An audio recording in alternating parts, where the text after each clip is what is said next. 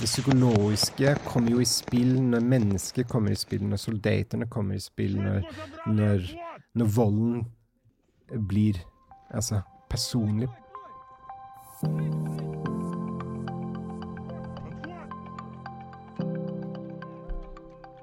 Krig giver ar på sjælen. For første gang siden 90'erne er der krig i Europa. Og det er ikke nok at hjælpe Ukraine med våben. Vi bør også hjælpe de ukrainske soldater med de psykologiske sår, de vil få den krig, de kæmper lige nu. Det blandt andet danske veteraner, der selv har oplevet den indre krig, som raser længe efter de har forladt slagmarken. Men hvad gør krig ved de mennesker, der kæmper i den? Det er det, vi skal undersøge i dag. Mit navn er Anne Blåbjerg. Jeg er kommunikationsmedarbejder på DIS, og det her er Verden til Forskel. Johannes Lang, kan man overhovedet sige noget generelt om, hvordan mennesker bliver påvirket af krig? Man kan ikke si noe om hvordan alle mennesker påvirkes av krig, men man kan si noe om eh, hvordan mange mennesker påvirkes av krig. Um, og, og dem der blir påvirket av krig, eh, der ser vi jo titt at, uh, at opplevelsene setter seg i kroppen. At angsten setter seg i kroppen, frykten setter seg i kroppen. Man får ikke sove, man kan ikke, man kan ikke glemme det man har opplevd. Eh, man mister måske appetitten. Eh, man trekker seg fra, fra sosiale sammenhenger. Eh, men det som er interessant, er jo at måten vi ser på konsekvensene av krigen, og de psykologiske konsekvenser av krig, eh, det har jo endret seg opp igjennom historien. Um, og det har vært til diskusjon uh, hele veien igjennom, og det er det faktisk stadigvæk uh, i dag. Johannes Lang, du er socialpsykolog, og du leder et forskningsprojekt på DIS om, hvordan moderne krigsførelse og den psykologiske videnskab har påvirket hinanden gennem tiden, særlig med fokus på det amerikanske militær efter 11. september. Hvorfor skal vi interessere os for det? Ja, uh, for det første så hænger jo psykologiens historie meget, meget tæt sammen med krig. Altså, hvis, jeg, hvis, jeg, kikker på personlighetstesternes historie, IK-testernes historie, så de jo, henger de tett sammen med um, militærets um, behov for å kunne skelne mellom uh, egnede og ikke egnede uh, personer uh, i forhold til krig og, og tjeneste i, i militæret. Og etter 11. september kan du si at Eh, det er skrevet et nytt kapittel i denne historien om, om forholdet mellom psykologi og krig, eh, hvor psykologien har fått en større og større plass i det amerikanske militæret, og i det vestlige militæret eh, mer generelt. Og hvor man også har mer og mer har begynt å bruke psykologi i treningen av soldatene oss, ikke kun i behandling etter krig, men også i forberedelsen til krigen. Når vi taler om krigens psykologiske konsekvenser, så hører man ofte om posttraumatisk stresssyndrom eller PTSD. Hva vil det egentlig sige å ha PTSD? PTSD er jo en øh, angstlidelse. Øh, det, er, øh, det er nettopp den angst øh, som krigen har ordløst, som har satt seg i, i kroppen. Diagnosen ble offisielt introdusert i 1980. Få år etter Vietnamkrigen. Og den var jo eh, både fundert på medisinske og psykiatriske observasjoner, men den var også et resultat av en politisk kamp for å få eh, soldatenes, veteranenes psykologiske eh, problemer anerkjent som en faktisk konsekvens av krigen. Samtidig så har den jo vært omdiskutert fordi dem der var eh, tilhengere av krigen, de så dette som krigsmotstandernes ønske om å syliggjøre krigen og pat, altså, virkelig patologisere soldatene og si altså, Se hvor, hvor, grusomt krig er, se hva det gjør ved mennesket.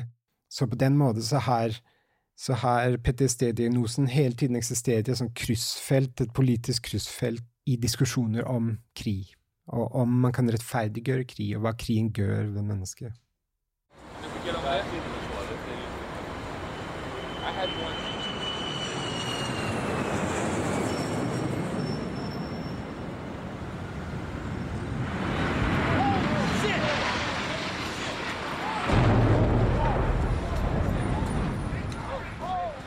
Den 11. september 2001 så en hel verden de to tvillingetårne i New York, symbolerne på den vestlige liberale kapitalisme, styrte i grus.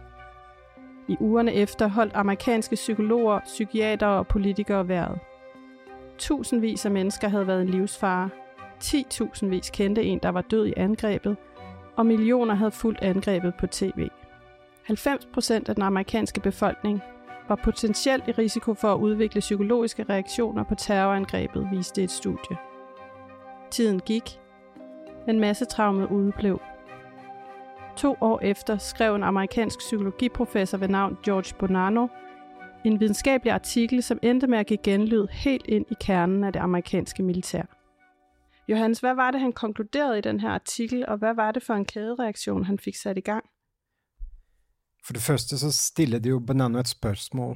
Um, han, han spurte har vi fundamentalt undervurderet menneskets resiliens i møte med ekstreme situasjoner. Bonanno hadde begynt å forske i, uh, i uh, Seoul uh, like innen 11. september. Og han var begynt å, å se at mange mennesker klarer seg overraskende godt efter de hadde tapt, altså mistet et menneske de elskede.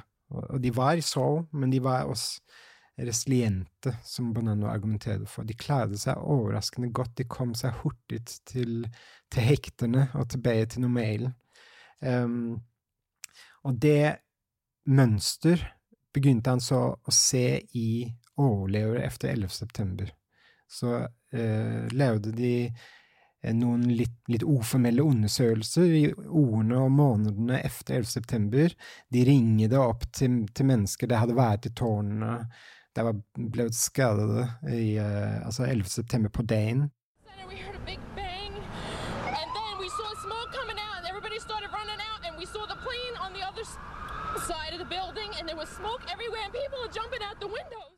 Og det de fant, var at resiliens var den mest alminnelige respons blant de overlevende som var i tårnene eh, under angrepet.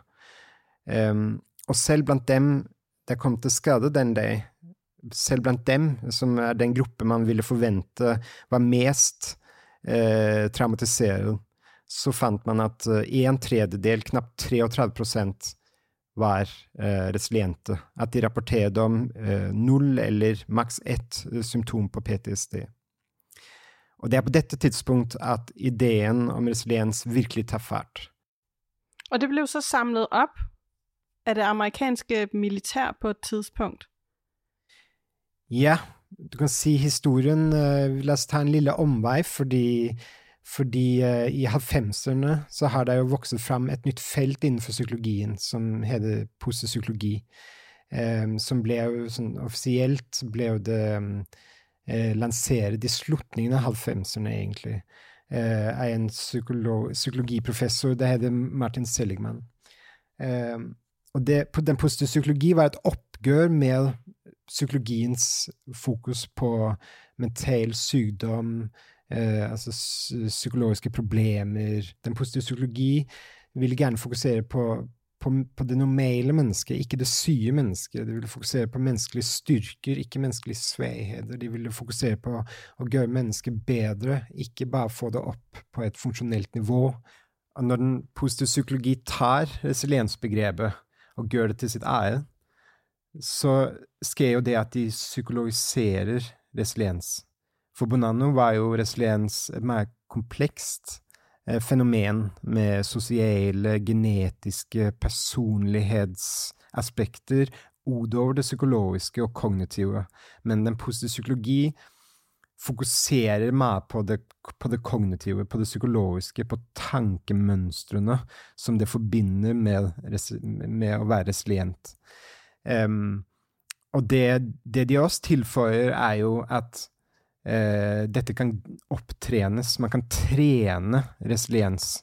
Man kan endre sine tanker. Dette er jo eh, Dette er jo mer nemmere enn å skulle endre genetikk eller personlighet eller sosial kontekst. Det er mer med lie til å arbeide med hvordan man tenker, hvordan man håndterer sine egne følelser.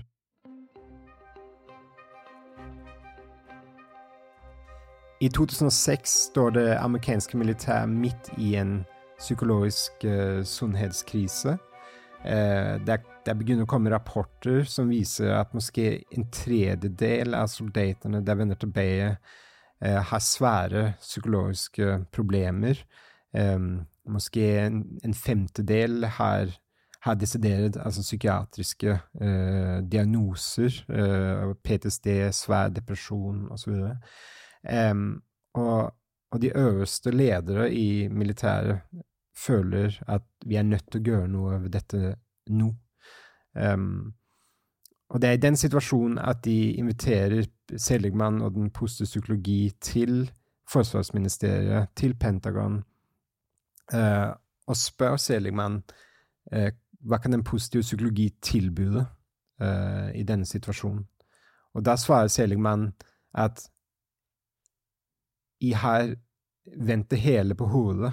I fokuserer på behandling. I fokuserer på eh, soldater det allerede er traumatiserte, det allerede har det svært.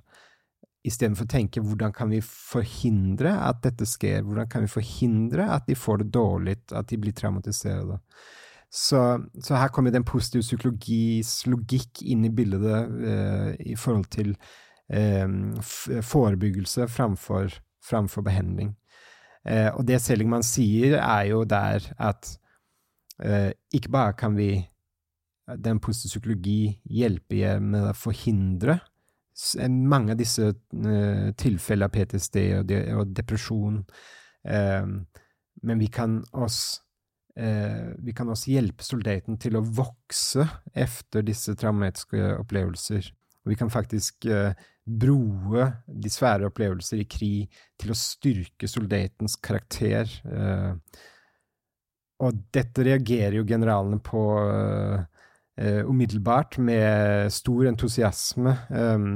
og så går de så i gang med å utvikle et, et program for hele den amerikanske hær. som baserer seg på, på den positive psykologis prinsipper. De her treningsprogrammer, har de virket? Det vet vi ikke. Men lige nå er det ikke noe der peier på det. Den eneste sånn eh, eksterne undersøkelse der ble laget, eh, har ikke funnet noen positiv effekt. Så lige nå er det uavklart og stadig vekk til diskusjon om det overhodet har noen effekt. Så man kan altså ikke rigtig se nogen effekt av den positive psykologis indtog på militærpsykologien? Ikke på det psykologiske nivå. Det er, ingen, det er ingen tegn eh, på at, at det har gjort soldater eh, mer resiliente psykologisk. Eh, men det den positive psykologi har gjort, er jo at den har gitt militæret et nytt språk å tale om krigens psykologi og krigens psykologiske konsekvenser. There's also something called post-traumatic growth, where you come out of a situation like that and you actually feel kinder toward your fellow man, fellow woman, that you are actually a better husband, father. You actually have a closer relationship with your God. You do not have to go around apologizing if there's some rage in you. Although, if we tell our veterans enough that this is what's wrong with them, they may actually start believing it. Og de har gitt et mer positivt språk om krigens um, konsekvenser.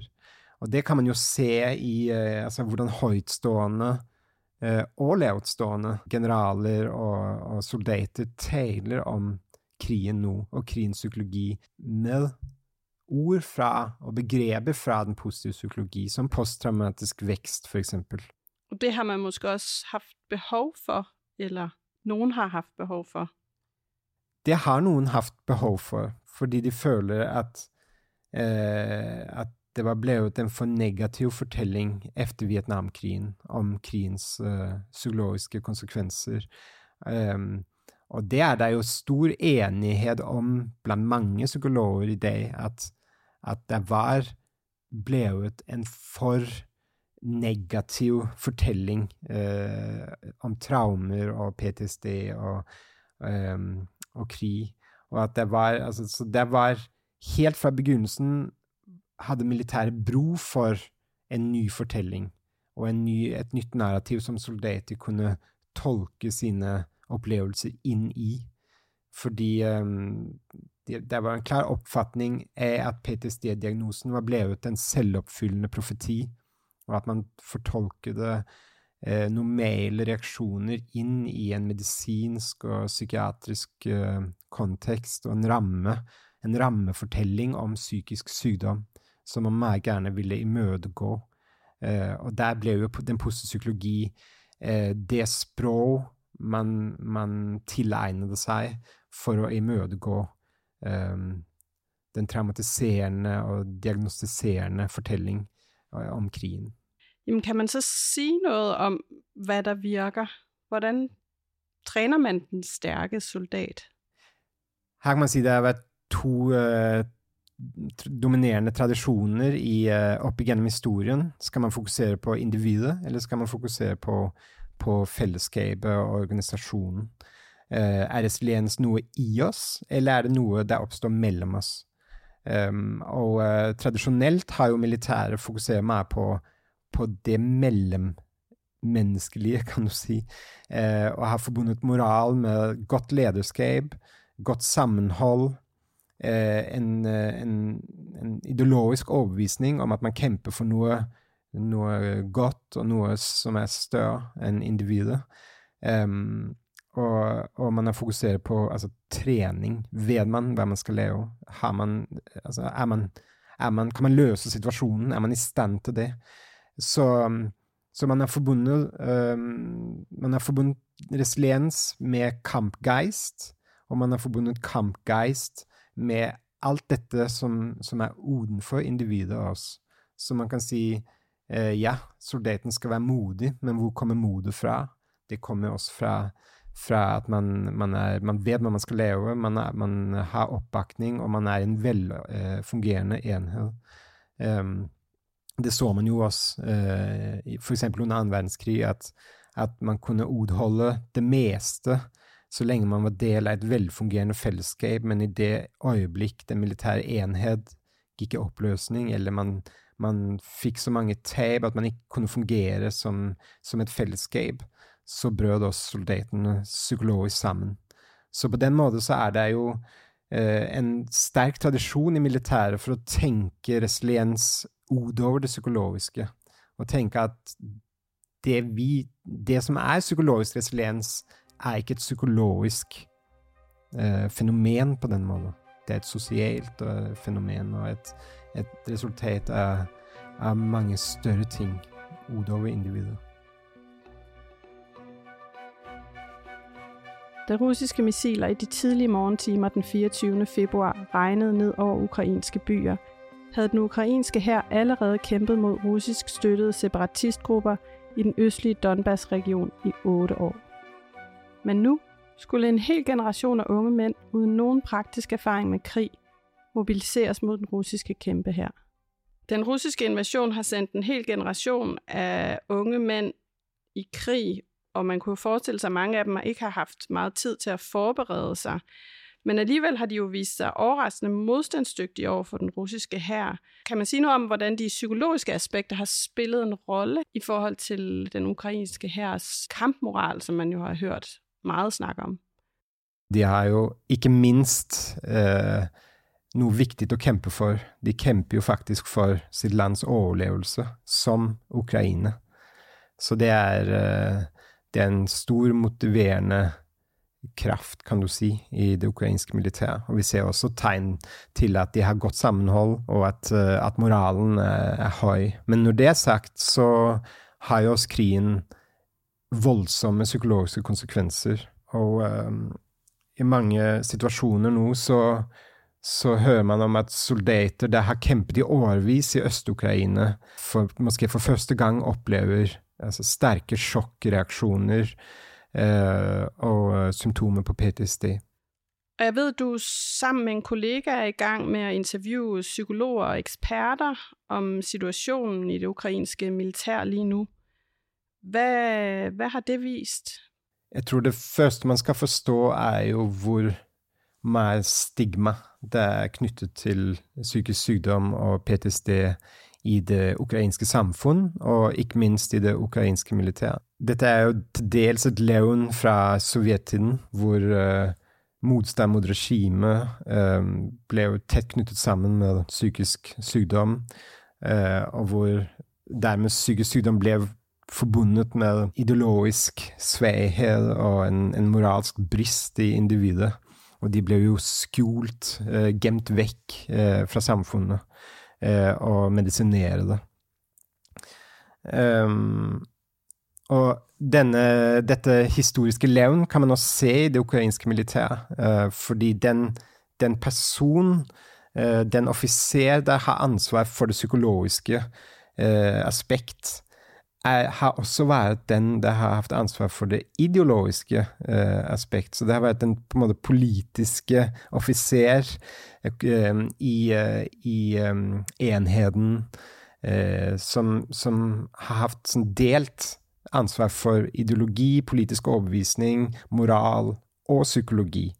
Og dette er jo en, en, eh, en sammenblending av roller som reflekterer hvordan ideologi, moral, psykologi er blitt vevd sammen i militæret, men som oss um, er dypt problematisk på det praktiske nivå. Fordi hva gjør det ved tilliten til psykologene?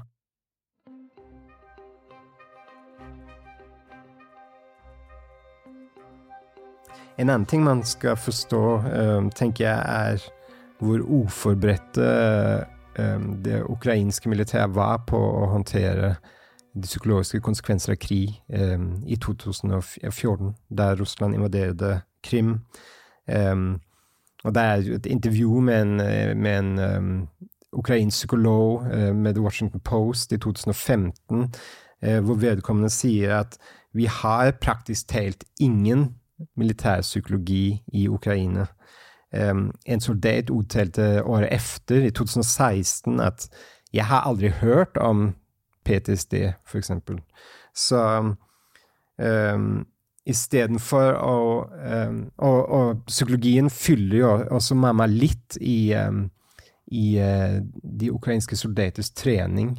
Jeg har hørt historier om at de måske får 15 minutters opplegg om krigens potensielle psykologiske konsekvenser. Eh, og det er, det, er, det er, ikke en prioritet eh, å, å, informere soldater om å bevisstgjøre dem om krigens psykologiske konsekvenser. Så i stedet for å gå til psykologer, så, jo, så, så bruker soldater titt alkohol for å selvmedisinere seg selv. Eh, våre killer i Ukraina forteller om utbredt alkoholbro. eh, blant soldater ved fronten.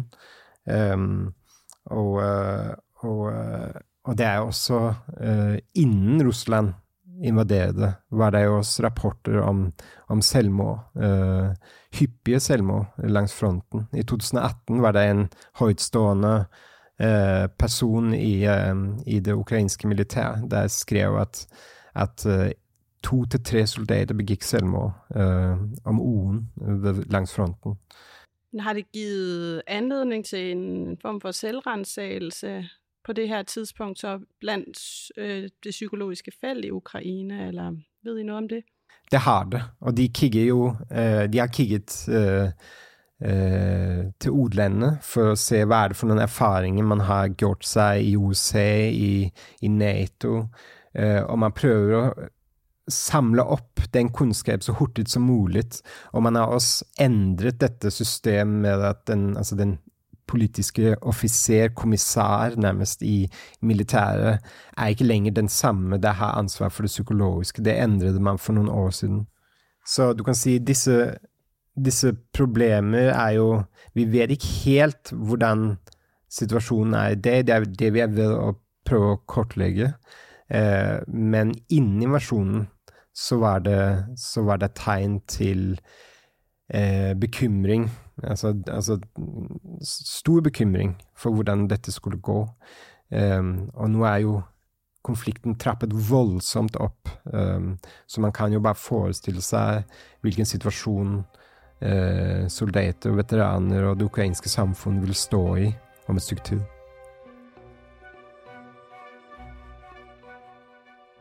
Når vi kikker tilbake på de sidste 20 år, kan det så fortælle os noget om, hvordan det, man kan kalde krigens psykologi, vil udvikle sig de næste 20 år? Det lyder måske som en kliché, men, men det eneste forutsigelige ved krig er jo nærmest dens uforudsigelighed. Um, hvis vi kigger tilbage på de sidste 20 år efter 11. september, så var det jo den idé i det amerikanske militæret om det man kalte revolution in military affairs, som Donald Rumsfeldt, forsvarsministeren, var meget sterk fortaler for. Og det var jo den idé om at høyteknologien skulle gjøre krigen mer mer effektiv, mer mer begrenset, um, og at man skulle ha et sånn det man kaller light footprint, at man ikke går inn med riktig mange soldater. Man, altså det er sånn hurtig inn, hurtig ut, effektive, høyteknologiske um, eh, operasjoner og titt på avstand med bomber og presisjonsbomber osv. Um, det var jo Den måten å tenke på var jo en del av problemet, uh, det fundamentale problemet med Irak og Afghanistan-krigene. Fordi man forberedte seg jo ikke på en annerledes krig, en krig som ville kreve eh, soldater på jorden. Det ble jo over lang tid å, kjempe det uh, og prøvde å slå ned opprør. Det, det forutsigelige er jo at, man, at når, man, når, krig først eh, kommer, så trekkes man inn i den. Og den utvider seg. Det ser man jo nesten i alle kriger. Altså hvordan, hvordan krigens opprinnelige objekt, eller hva skal jeg si, uh, mål, hele tiden utvides. Eh, bare tenk på første verdenskrig, eller tenk på Vietnamkrigen. Eh, hvordan den bare vokste og vokste og vokste, og så ikke minst Afghanistan og Irak, og nå Ukraina.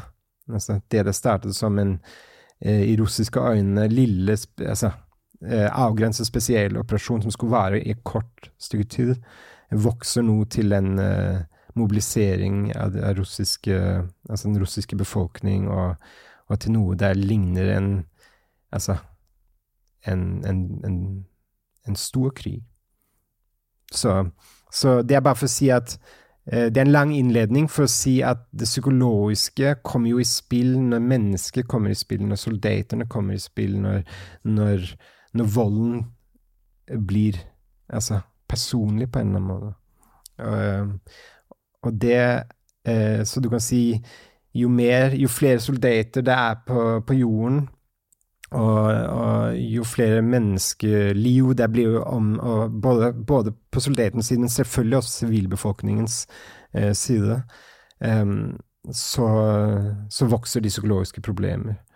Og, um, og, det er jo der vi er i dag. Altså at den krigen i Ukraina kommer til å ha enorme psykologiske konsekvenser um, som vi ikke kan ane kontorene av ennå.